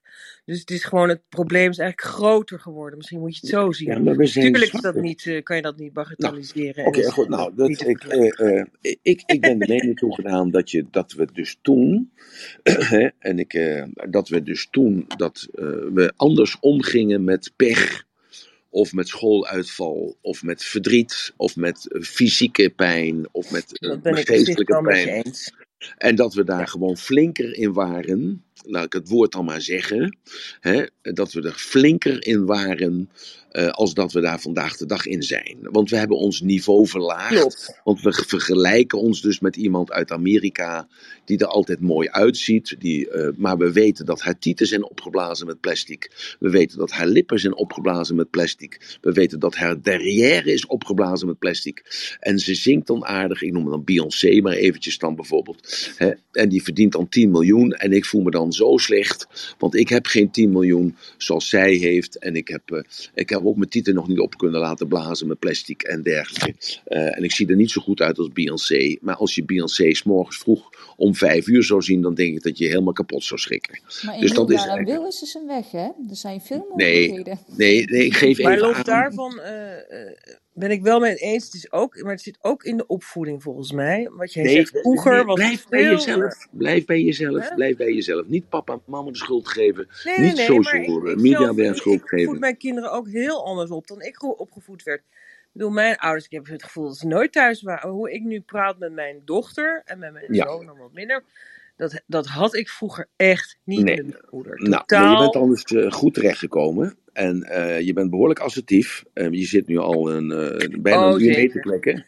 Een uur mee te kwekken. Dus je ouders hebben het nog niet zo verkeerd gedaan. Of Nee, ze het helemaal wel niet verkeerd. Dat zeg ik ook niet. Ik Nou, zeg alleen, nee, nee, nee, nee. meer tough cookie Maar, maar opvoeding. nee, nou, oké, nee, maar in- oké, Wat jij nou, zegt goed. dus. Nou, Ik, dus, ik, ik, ik beaam wat jij nou, zegt eigenlijk. Nou, oké, goed. Nou, oké. Dus het gaat erom dat het overkomt naar de mensen thuis. Hè, wat ik wil zeggen, dat, dat dus eh, doktoren gaan daarin mee. Dat, dat wil ik zeggen. We gaan even over dat corona hebben. Dus, hè. Eh, kijk, eh er zijn eh, een aantal doden voorgevallen. Die cijfers zijn gemanipuleerd. Dat is gewoon zo. Ja, iemand van 85 die overleed omdat hij geen lucht meer kreeg. Omdat hij dan zogenaamd corona had gekregen. Ja, hij had misschien nog een jaar mogen leven en dan was hij ook verdwenen. Zo waren de mensen met allerlei bijverschijnselen die zijn overleden. Nou, we gaan niet een morele verhaal houden van wat is dan belangrijker dat alle horecabedrijven gesloten waren. De, economische prijs die we betaald hebben daarvoor. Nou goed, dus ik wil niet zeggen dat het een, ehm, eh, dat het een, een soort aanstellerij is geweest, maar dat het in ieder geval overdreven is geworden en, nog steeds wordt. Dat, daar kan iedereen het toch wel mee eens zijn. Tenminste, lijkt mij zo. En als nu het laatste, eh, nu komt het laatste onderzoek. eh, nou, en ik denk dat het toch echt zo is. Dat zijn dat de mensen die dus gevaccineerd zijn. Dat er dus 35% van die mensen die gevaccineerd worden, die hebben bijverschijnselen. Ik heb daar wel eens eerder over gezegd. Alles heeft bijverschijnselen. Want als je spinazie eet, dan poep je ook groen. Dat is ook een bijverschijnsel. En eh, als je een aspirine neemt, dan, dan kun je ook een maagperforatie krijgen. Al is het al 1 op de 5 miljoen. Maar goed, er worden geloof ik 10 miljoen van die tabletten gevreten eh, per dag. Dus dat zijn er dan toch twee. Dus dat is heel veel. Dus eigenlijk zou die aspirine ver- verboden moeten worden. Maar dan blijkt dus nu, en dat heeft dus gisteren in alle kanten gestaan. eh, ik heb tenminste gelezen in twee, in twee bladen. Dat eh, ze hebben dus eh, ook eh, die, die 35% gevaccineerden hebben ze onderzocht. En nu blijkt gewoon dat dus al die bijverschijnselen zijn 100% verzonnen. Zijn dus allemaal, niet, daar zijn dus helemaal geen bijverschijnselen bij. Nou, dat, dan kunnen we natuurlijk ook wel weer over de discussie gaan even daarover. voor mij, voor de helderheid. Dus Ja. jij zegt dat die, die meldingen van die 35%, Ja. dat het eigenlijk niet gerelateerd is aan het vaccin. Nee, kijk, kijk, eh, dat je dus natuurlijk een, een beetje een stijve arm hebt als je een, een mensvreemd eh, iets in je, Mhm. in je spier gekregen hebt. Dat, daar hebben we het natuurlijk niet over. Dat het iets verdikt werd, daar hebben we het niet over. We hebben het over dat eh, mensen daaraan dood gegaan zijn. Mensen hebben een toeval door gekregen. Mensen zijn, eh, ja, weet ik veel wat allemaal toestanden. Ik, hè, dus het gaat er dus gewoon om dat dus die 35% die ze onderzocht hebben, die gevaccineerd is, dat die 100% blijken dus allemaal gewoon placebo's te zijn. Die hebben gewoon een, die hadden al iets hè, en die hadden al een onderliggend lijden. En door die vaccinatie is dat onderliggend lijden is dat geactiveerd of het is in hun hoofd geactiveerd. Dat is wat ik zeg. Eigenlijk. En dat, dat, komt dan, dat past weer helemaal in dat plaatje van hè, dat mensen zich dus gaan herkennen in dat eventjes op de Voice. Daar kom ik op The Voice uit, eigenlijk. Hè. Eh, dus hoe meer mensen zich herkennen, want dat is dus met die placebo, met die 35% plus, de mensen die bijverschijnselen hebben van die vaccinatie, dat heeft zoveel media-exposure gekregen, dat er zoveel bijverschijnselen zijn als je laat vaccineren. En vooral in bepaalde kringen is dat helemaal opgeblazen. Die hebben dat gelezen, die was zat in een bepaald algoritme, dus die werden er helemaal dood mee geknuffeld, als het ware. En ehm, dat ik alleen wil aangeven hoe meer mensen ergens aan herinnerd worden, aan een bepaald ziektebeeld. Het is net als een soort marketing. ho- Hoe meer mensen horen of voelen ook iets. En die willen weten en die willen er ook bij horen. En dat is nou die seksuele overgevoeligheid. Dat is mijn punt eigenlijk, als het ware. Ja, maar Want wat je als ook gaat de- krijgen is dat je ook bij, hè, dat, dat iedereen die daaraan deelgenomen heeft, bij zichzelf gaat nadenken van, goh, wat, wat, wat heb ik gezegd, wat heb ik meegemaakt? Terwijl die daar in eerste instantie helemaal geen problemen mee hebben gehad en het gewoon op dat moment oké vonden. Dus dat Juist. ik. Juist, en dat, dat is nou mijn hele lange. Ik heb er een lang verhaal van gemaakt. Ik had het ook in twee minuten kunnen vertellen. Ja, maar dan, dan is het denk ik heel kwetsend. Of tenminste, ja, voor een bepaald eh, slag. Mensen het, een bepaald gedeelte van de mensen zou het ik weet zeker dat David, eh, als hij dit zou horen, niet tegen mij zegt: Ja, dat had je niet moeten, moeten mogen vertellen, want dat is slecht voor de sales. Ja, dat kan wel zo zijn. Uh, maar uh, ik ben gewoon een eerlijke gozer en ik, ik vertel gewoon zoals ik, er, zoals ik erin sta, zoals ik dat dan waarneem. Hè. En ook dat wordt natuurlijk, is een, ik heb, ben ook subjectief, ik ben, ben niet objectief, er is niemand objectief, maar ook jij bent niet objectief, hè, die dus vindt dat het anders is. Zo, dus die hebt een andere subjectieve ervaring. Maar ik geef even aan dat als ik dan even kijk bijvoorbeeld naar de emancipatie van de vrouw, dat heeft een kleine honderd jaar geduurd voordat die vrouw helemaal geëmancipeerd werd. Ik, kijk eventjes naar de, naar de, de, tijd van de, de, homoseksualiteit. Dat heeft een jaartje of 40, 50 geduurd voordat dat helemaal geaccepteerd werd. Dan kijken naar de genderdiscussie, dat heeft uh, twee jaar geduurd, want 65% van de mensen vindt gewoon dat we het niet meer moeten hebben over man of vrouw, maar dat we een van die 71 types moeten benoemen dat heeft twee jaar geduurd. En zo is dit dus ook zoiets. Dit wordt ook heel snel geaccepteerd als zijnde van dat het uh, zo hoort. En en daar gaat het mij om. Het gaat mij dus om dat uh, er elke keer geroepen wordt naar de buitenwereld dat het hun schuld is, of zijn schuld is, of zijn verantwoordelijkheid is. En daar gaat het mij om. En dat we allemaal weten, we doen allemaal aan zelfontwikkeling, we doen allemaal zelf uh, allerlei cursussen. En of dat nou uh, mind, mind is, is, of het is yoga, of het is, maakt allemaal niet uit, of het is NLP. We zijn allemaal bezig met onszelf, wie die zelf dan ook mogen zijn en is. Hè, maar het gaat erom, we weten allemaal dat het in onszelf ligt. En niet buiten ons, het ligt allemaal in onszelf. En ondanks dat, toch hebben er zoveel mensen uh, een, een, mening over Ali B. En over die Jeroen. En over, uh, en over Marco Borsato. En over John de Mol. Omdat ze dus zich op een bepaalde manier uiten die niet past in het wereldbeeld wat zij hebben. En daar gaat het mee om. Dus door de overgevoeligheid, zowel in lichamelijk als in geestelijk de, vlak. we graven, we graven, we graven. En ja, hoe dieper je graaft, hoe harder het gaat stinken, heb ik altijd gezegd. Nou, en dat is hier een voorbeeld van. En daarom wil ik daar niet meer aan meedoen. Daarom, daarom heb ik de beslissing genomen om zaterdag 2 april, nou zeg ik het goed, de laatste seminar te geven. Omdat er dus al 50, 60 mensen zijn die hebben geboekt en hebben al betaald. En ik ga mijn keutel niet intrekken. En ik ga het uh, gewoon hebben over epigenetica en over allerlei andere dingen. En ik ga dan nog een keer vertellen waarom ik vind dat de, de Nederlandse bewoner, nou heb ik. Nou, bewoner. De Nederlandse bewoner um, is fysiek en mentaal zwakker is geworden en zich druk maakt om iets wat er niet is. Het bestaat alleen maar in zijn of in haar hoofd. En uh, als je kijkt naar de drugs, mensen die aan de drugs zitten. Ik ben altijd verbaasd over de tonnen cocaïne die binnenkomen. Ik deel dat dan altijd door duizend, door duizend hè, want een kilo dat zijn duizend klanten. En dan als het dan tonnen zijn, dan is het duizend keer duizend. Dus dan loop je in de miljoenen mensen die die rotzooi gebruiken. De heroïne, de crack en noem de alle andere verdovende middelen maar op. Uh, ja, dan, dan komt dat voort uit het feit dat mensen steeds ongelukkiger worden Ondanks dat we het allemaal hebben. Ik heb gisteren ook nog wel deze discussie met mijn zoon van 12 jaar gehad. Hè, dat hij zich dood moest schamen om te klagen. Want hij heeft alles wat hij wil. En toch loopt te zeiken. Nou, ben bij mij net aan het verkeerde adres.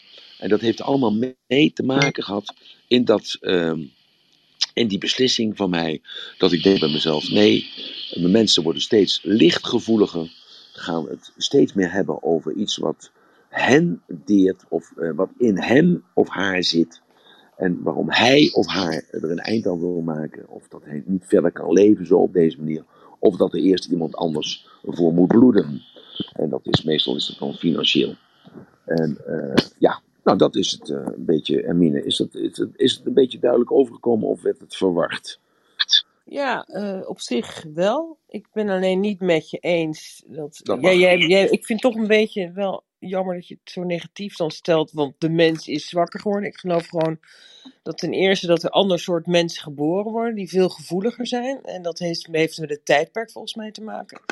En ten tweede dat ook de maatschappij gewoon echt veranderd is. En daar kan je niet uh, omheen. Dat is gewoon zo.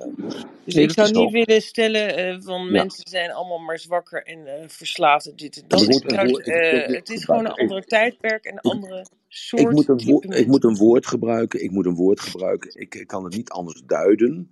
Want Ja. waar ligt dan dat hoge gebruik van, eh, eh, van drugs dan Maar dat aan? was toch ook, uh, het is toch altijd zo geweest? Echt niet Nee, dat anders is niet altijd zo. zo geweest. Dat is niet Het altijd is in zo de jaren tachtig was het veel hoger. Nee, dat is niet die waar. snelle jongens Nee, waren nee, allemaal aan de kook. Nee, dat is gewoon. Dat is, nee, wacht even, Annemarie. Dat is gewoon echt absoluut niet waar wat je zegt. Dat was een, een bepaalde kring. Dat waren dan de intellectuelen of dat waren de kunstenaars. Hè, die dan, dan eh, verruim, eh, geestverruimende middelen nodig hadden om weer nieuwe dingen te bedenken. En nu wordt het gebruikt op de beurs. Op- In, in de beurs waar aandelen verhandeld worden. Het wordt gebruikt door leraren omdat ze de spanning niet meer aankunnen. Het wordt gebruikt in de politiek. Kijk maar naar de gezichten van eh, een aantal bewindvoerders. Ik kan ze zo met naam en toename opnoemen.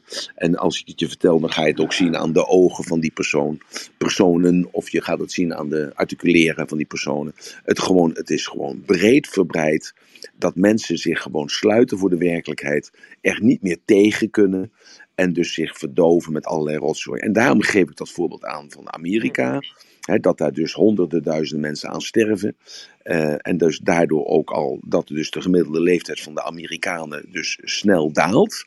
En gelukkig zijn dat dan de blanke Amerikanen met lage opleiding. Dus dat is mijn, eh, mijn soort waar ik dan precies in pas. Dus dat is misschien kort door de bocht. Ik heb dan ook maar een uurtje ervoor. Ik heb al tien minuten gesnoept. En het is zeer zeker niet negatief ingestoken. Daarom heb ik het ook opgebouwd vanuit fysieke pijn, wat de functie daarvan is. Daarna ben ik gegaan naar emotionele pijn, wat de functie is van de emotionele pijn. Dat, dat je daar aandacht aan kan besteden en dat je dat op kunt lossen. En dat je dus ook eh, zelfverantwoordelijkheid hebt, eh, gewoon voor je eigen welbevinden. Uh, en uh, dat heb ik zo opgebouwd. En ik, ik heb de consequenties aan verbonden dat nu aan de aanleiding van dit gesprek ik nu gelijk mijn boekenverkoop stopt en ze allemaal in de container dat gooi. moet je dus Maar waarom niet dan, doen. uh, Emiel? Ik, want ik denk Omdat juist... er alleen maar hierdoor de mensen zwakker worden. Nee, en dat alleen is maar, niet uh, zo. Maar wij, ja. wij, wij, ik, ik Ja. ben van mening, wat ik jou in het begin van het gesprek ook heb gezegd, en dan wil ik daarna echt naar Ron, want die staat al heel lang te popelen volgens mij. Um, jouw boeken geven zoveel inzicht in ons en waar we alleen wel niet aan voorbij moeten gaan, is om ook die pijn te doorvoelen op het moment dat je hem hebt en er niet overheen te stappen in uh, zeven mijlslaarzen. Soms mag het er gewoon zijn en, en heeft het ook een functie. En als we Ja. daar ons nog bewuster van worden, dan zijn jouw boeken zeker heel erg verhelderend en heel erg helpend om wel die mindset op een gegeven moment te kunnen. We zijn doorgeslagen, we zijn doorgeslagen, we ja, zijn maar doorgeslagen. daardoor zijn Ja, jouw boeken precies, nog we hebben juist jouw boeken nodig. Ja, we zijn doorgeslagen in het hele verhaal. Ik trek mijn boeken allemaal terug.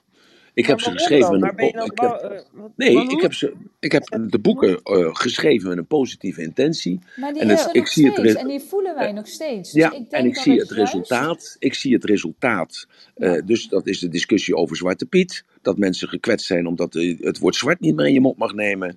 Dat is de discussie over eh, de genneutraal. eh, dat er 71 verschillende soorten gens zijn. Dat mensen zich dat allemaal voelen en dergelijke. En dat ze mensen hebben het recht om dat te voelen. Dat mag ook natuurlijk. En, en, en of ze daar dan andere mensen mee belasten, dat, daar denken ze niet over na. Want zij zijn centraal.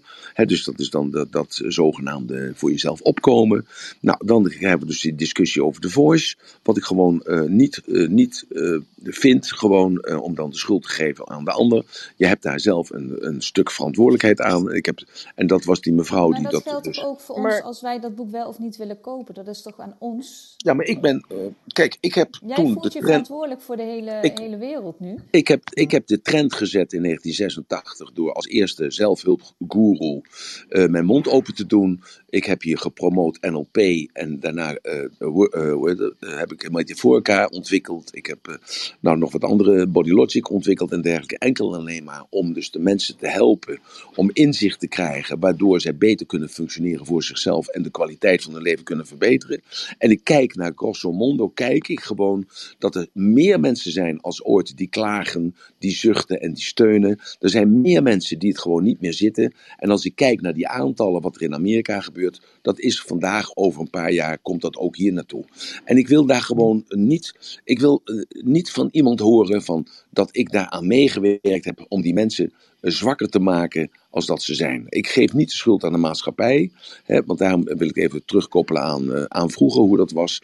Eh, vroeger ging je gewoon niet zo diep, dan was het gewoon eventjes, eh, zat het tegen en dan zet je de schouders eronder en dan los je het op. En maar je gaf niet de schuld aan iemand anders, waardoor zijn of haar carrière gewoon bij voorbaat al kapot gemaakt werd. Daar gaat het mee om. Ja, nou, laten we even naar Ron gaan. Want je bent al zo lang op het podium, Ron. Goedemorgen. Ehm, nou ja, ik, zoals ik er naar kijk, eh, ik denk ehm, onze, onze, bre- onze scanner, hè, de neuroceptie, eh, dus, dus of je in gevaar bent of niet, die continu aanstaat, je autonome zenuwstelsel. Ik denk dat daar eh, een heel groot ding zit. Dat we, eh, kijk, heel, heel vroeger eh, kwam die oerman, eh eh dat bosjesman met, met die knuppelen of die leeuw, die kwam op je pad. En omdat we nu deze tijd heel weinig echt gevaar hebben, is die scanner is, eh, denk ik ook eh, nou ja, vertroebeld. Die, dus inderdaad, als nu iemand naar je kijkt en je haar zit niet goed, dan voel je dat als een bedreiging. Of als iemand, nou ja, wat dan ook doet. Dus ik denk dat wij heel snel uit balans zijn, of, of in ieder geval eh, in, in dat systeem terechtkomen. En dat is autonoom, dus daar kan je niks aan doen. Dus wat, ik denk, ik ben het wat dat betreft heel erg eens met Emiel. We zijn zo eh gepamperd. En dat systeem, dat is wel een beetje trainbaar, maar dat, dat kost heel veel tijd. Het is autonoom, dus dat deel gaat vanzelf. Maar als jij continu te horen krijgt, pas op, gevaar, pas op dit, pas op dat. Dan, ik denk dat het heel erg samenhangt. Dus dat je bij iedere ja, minste geringste, geringste bedreiging het ook ziet als een echte bedreiging. En dan kom je in dat systeem van misschien wel freeze. En dan kun je inderdaad niks doen als er iets gebeurt. En ik denk dat onze weerbaarheid op die manier behoorlijk eh, kapot gegaan is. En, en dat maar dan, we... kun je wel, eh, dan kun je wel een dag later of een week later of een maand later, dan kun je wel naar die persoon toe gaan en zeggen, hé hey, vuile klootzak, je hebt tegen mij gezegd eh, dat ik een lekker kontje heb en ik ben daar gewoon niet van gediend. Maar het zijn jonge Zo. vrouwen, kom op. Nee, maar, nee, maar nee, dat hij tegen Nou, zijn vader man, met dat, hou toch op met dat gezeik, Emiel, ik wil het vertel jou, mijn vader eh, in zijn tijd op het kantoor, al die mannen deden het met alle secretaresses. Ik bedoel, dat was gewoon schering en inslag. Ga je me vertellen, dat is toch ook een machtsding? Ga je me niet, dat was toen, dat machtsding? de jaren 50 hebben we het dan over. Ja, nou, dat gebeurt vandaag de Mad dag nog steeds. Mad Men. Maar- Ik Mijn secretaresse, mijn secretaresse die, is, eh, die is geen 15 of 16 jaar. De- Ik heb het daar natuurlijk niet over. ik nee, heb het daarom, natuurlijk maar niet deze kinderen zijn jong. even wel. Daarom is het Eh, zo stuitend. hoezo? Maar oké. Nou, dat vrouwtje wat eh, aangifte ging doen, die was eh, oh, dik al over de 20. Die was eh, 21 jaar gewoon. dus dat ze meegedaan had aan, aan, aan de Voice. Die ook gemanipuleerd was. En niet met haar eigen gezicht, of niet met haar eigen Maar je stem op zegt het beeld. zelf net dat het zwakkere mensen zijn. Of dat ze gewoon veel weer gepamperd zijn. Wat ik ook wel mee eens ben. Ja, ja. Waardoor ze natuurlijk ook nog nou, jo- nou, je jong in haar hoofd is. Nou, dan mag je dat ook wel tegen me zeggen dat ik het met me eens ben. En niet dan gelijk zeggen van ik ben het niet met je eens. Nee, Ja? maar dat zeg ik toch niet. Bepaalde punten. Nou Maar ik, eh, Annemarie- ik ben Annemarie gewoon wil mee. graag. Ik, ik heb het zo voor mij eh, gemaakt. Ron, dankjewel. En eh ja, Emine ook, dankjewel. Ik heb het er zo van gemaakt. En ik heb, eh, ben tot de conclusie gekomen dat ik de verkeerde kant ben uitgegaan. Ik heb het wel met positief denken. Altijd eh, eh, eh, positief bedoeld, laat ik dat zo zeggen. De intentie was gewoon altijd positief. Ik, ik heb gewoon besloten gewoon... ook. eh, Je bent toch heel positief persoon. ja, dat ben ik ook. Ja, dat en val je helemaal niet aan ook hoor. En realistisch. allemaal- Nee, en realistisch. Ik ben ook heel realistisch. Eh, En ik denk bij mezelf, ik wil hier, eh, dat is ook een van de dingen waarom ik uit Nederland weggegaan ben. Ik wil niet eh, verantwoordelijk gesteld worden voor de consequenties waar we momenteel in zitten met z'n allen. Eh, dus dat is ook één ding. Ja? En dat heeft niks mee te maken, Marloes, dat ik verantwoordelijk ben voor de daden van andere mensen. Alleen ik zie bepaalde zaken. En ik laat daar af en toe, laat ik dan ook een, een bommetje los gewoon hier op de room. Dus hij die horen, die horen. En hij die kan luisteren, die luistert. Nou ja, En, tussen de regels door zeg jij zoveel. En eh, Juist, precies. Gewoon zo. Maar ja, Ja. dat krijg ik niet maar ik kan benoemd. het, maar ik kan het niet meer benoemen, omdat er zoveel zwakke geesten zijn die daardoor dan van de brug afspringen. Omdat ze dus dat niet kunnen hebben van wat er gaat gebeuren. Nou, dus, eh, en als het gaat gebeuren, ja, dan, eh, dan kunnen ze ook niet adequaat reageren. Het gaat mij er gewoon om dat ondanks dus het werk van zoveel duizenden trainers, of tienduizenden of honderdduizenden mensen die andere mensen coachen, dat er nog steeds grote groepen mensen zijn die dus met de vinger wijzen naar andere mensen die de oorzaak zijn van hun ellende. Daar gaat het mij om. En als een Angela de Groot eh, dat nog een keer, eh, het, het lijkt wel alsof dat, eh, of dat, dat vrouwtje, ik weet niet wat voor getraumatiseerd is, die ging helemaal los tegen die John de Mol, zeg. Mijn lieve heer. Nou, dus eh, die had ik eh, wil verstandig. eh. Ja, ontzettend ik wil graag trouwens reageren. zeggen, ja, ik heb even goed geluisterd, maar eh, wat, bij, wat mij heel erg bijblijft is het flink zijn. Eh, ik, eh, ik ben zelf ook al heel lang ondernemer en het flink zijn. Kijk, als je heel veel meemaakt, ik heb zelf ook heel veel meegemaakt. En eh, wat mij altijd, eh, als je dan iets meemaakt, dat je ook de pijn voelt hè, op dat moment. Dat je er doorheen gaat. En dat je ook tegen jezelf zegt van je zit vaak ook in de situatie dat je niet denkt van oh ik ben hooggevoelig of ik kan het niet meer aan. Of ik, want er komt een moment dat je echt flink moet zijn. En als je echt flink moet zijn, dan is er helemaal geen, geen ruimte voor al die onzin. precies. En dat, dat wil ik even zeggen. En heel veel Ja, mensen die praten zoveel onzin, ja, die praten zich zoveel onzin aan, juist. dat ik eigenlijk denk, waar heb je het in godsnaam over? En daar heb ik aan meegewerkt. Ik heb aan, aan Nee, nee, nee, wacht even, Emiel, want ik, ik volg je al heel lang en dat weet je. En ik ben ook echt naar heel veel eh, ook seminars ook, eh, geweest. En ik vind gewoon dat je heel goed werk hebt gedaan. En ja, kijk het aan de mensen zelf. Kijk, je kan twee kanten op. Of je bent flink, of je gaat gewoon mee met de massa en je gaat inderdaad eh, overal waar verslaving is. En oh, ik ben zielig en ik ben zo zielig en ik ben zo zielig. Maar je moet ook een beetje ballen tonen. Want je ziet ook wat er nu ook in de wereld gebeurt. Er is heel veel ellende. En dan denk ik, ja, wij zitten hier gewoon op het roze kussen met z'n allen. Wij zitten hier gewoon met, met z'n allen op het roze kussen. dus Want er is eh, geen, geen enkele er reden om te lopen zeuren en te reden. klagen. Er Nou, is helemaal geen reden tot klagen. En als je precies, klaagt, exact. dan moet je er gewoon wat aan doen. Ja, En eh, als je denkt, ik heb geen goede coach, dan zoek je een andere coach. ja, Totdat je er wel komt. En ja. Eh, ja, weet je, ga, ga gewoon wat doen. Neem verantwoording. Dat wil ik alleen maar zeggen. Dankjewel, lieve schat. Ik, eh, ik heb mijn besluit eh, genomen. Ja, ik, heb- ik heb een besluit genomen. Ik kap ermee. Dus ik, eh 2 april is de laatste keer dat ik in het openbaar te zien ben. En ik, eh, ik ga gewoon mijn tijd en mijn aandacht gewoon besteden op een andere manier. En om dit, dat, dit verhaal wat ik nu verteld heb, om dat eh, toch op een andere manier dan neer te zetten. Iets eh, rustiger. Ik zal er een boek over schrijven, denk ik. Om dus dan de, de mentale veerkracht of de. Nou, dat er, dat er toch andere inzichten moeten komen. eh, voordat we verder afzwakken naar nog meer Mentale drugsgebruik. Ja, Wat zeg je? mentale, me- mentale veerkracht, dat is een hele mooie. Ja, maar dat er, eh, Ja, eh, kijk, eh, de, ik maak mij zo vreselijk ongerust. Wa- En daarom die cijfers, ik weet gewoon wat in Amerika is, komt hier naartoe. Eh, ik heb al vaker gezegd, nou, dit is heel erg wat er in Amerika gebeurt. Nou, en dat gebeurt hier ook naartoe. En als ik die cijfers dan lees, van, dat er zoveel is wel honderdduizenden.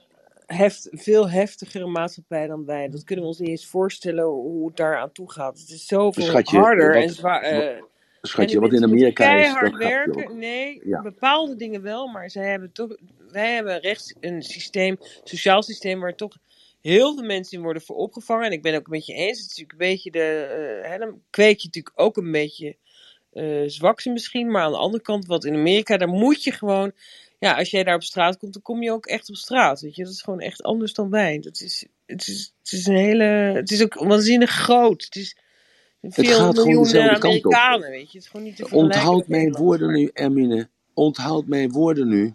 Onthoud mijn woorden nu. Het gaat dezelfde kant op, omdat wij mentaal en fysiek zwakker zijn geworden.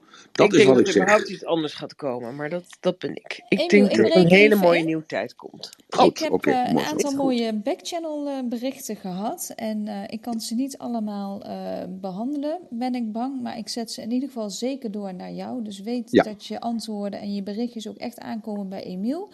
Jessica die eh, wilde heel graag nog even een persoonlijke noot toevoegen, waarvan ik haar toch nog even persoonlijk heb uitgenodigd, ondanks dat ik de handjes heb uitgezet. Eh, Jessica, wil jij even met jou delen wat eh, jij mij net in de backchannel hebt gezegd? Ja, nou ja, dat het eh, mijn inziens. kijk, ik heb zelf in mijn leven vier keer een situatie. Ik ben nooit echt verkracht geweest, maar ik ben wel aangerand geweest, vier keer in mijn leven. Ehm, waar het mij eh, in zit en om gaat, eh, is de zelfredzaamheid. En in mijn ogen, Emiel, eh, ja, wat ik je nou hoor zeggen, vind ik, je bent een, een winnaar en geen verliezer. En je gaat door in waar je in gelooft. En waar jij aan bijdraagt met jouw kennis en wat je spreidt, is mensen zelfredzaam maken. En alles. Nou, dat, dat zie je dan goed om je heen. Als er dus steltje, steltje van die idioten Nee, die vinden van ja, maar dat er gezegd wordt van, wat heb je een lekker broekje aan. En, En dan- niet door een paar mensen die eh, misschien jouw woorden, maar ik denk dat het nog ineens jouw woorden zijn, want die mensen hebben waarschijnlijk geen eens nog nooit naar jou geluisterd. Daarom is het zo belangrijk om hiermee door te gaan. Dat je mensen zelfredzaam maakt met hetgeen wat jij, met de kennis die jij verspreidt. En eh, wat, wat Dat is toch niet waar wat je zegt, lieve Wat- schat. Al die ja, mensen maar die... nou even. eh, wat, wat mij ja. geholpen heeft, het, gaat, het draait allemaal om zelfredzaamheid. Ik heb mezelf verweerd. Ik ben zelfredzaamheid geweest. Ik heb het recht laten zegevieren in twee situaties. Ik heb op twee mensen heb ik aangifte gedaan bij de politie. Ik denk de politie moet maar uitzoeken wat ze daarmee doen. Die andere twee niet, want dat kon niet, want die zijn eh, verdwenen. Die, zijn, die heb ik niet meer kunnen achtervolgen of wat dan ook. Maar ehm, hoe heet het? Dus ik heb het daarin het recht laten zegevieren. En dan denk ik, nou ja, dat is waar het uiteindelijk dan om gaat. Maar ik ben zelfredzaamheid gewe- eh, zelfredzaam geweest in de situatie, waardoor ik er helemaal geen last van heb gehad.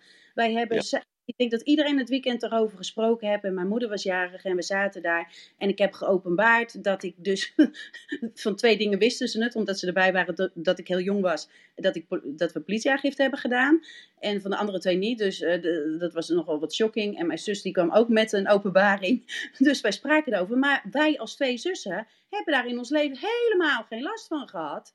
Omdat wij alle twee zoiets hebben. Fuck you, weet je. Dit flik je mij niet. En ik denk juist door NLP en door ehm, eh, zelf, aan zelfontwikkeling te doen, word je zelfredzaam. Kom je sterker in je schoenen te staan in het leven. Waardoor je veel meer aan kan, waardoor je een sterke persoon wordt. En daar draag je aan bij. En je Nee, gaat niet zomaar jou, ja, jouw missie op, op, opgeven voor een paar losers die dan nooit naar jou geluisterd hebben. Ik, ik heb even een, een paar dingetjes benoemd. Ik heb Zwarte Piet genoemd.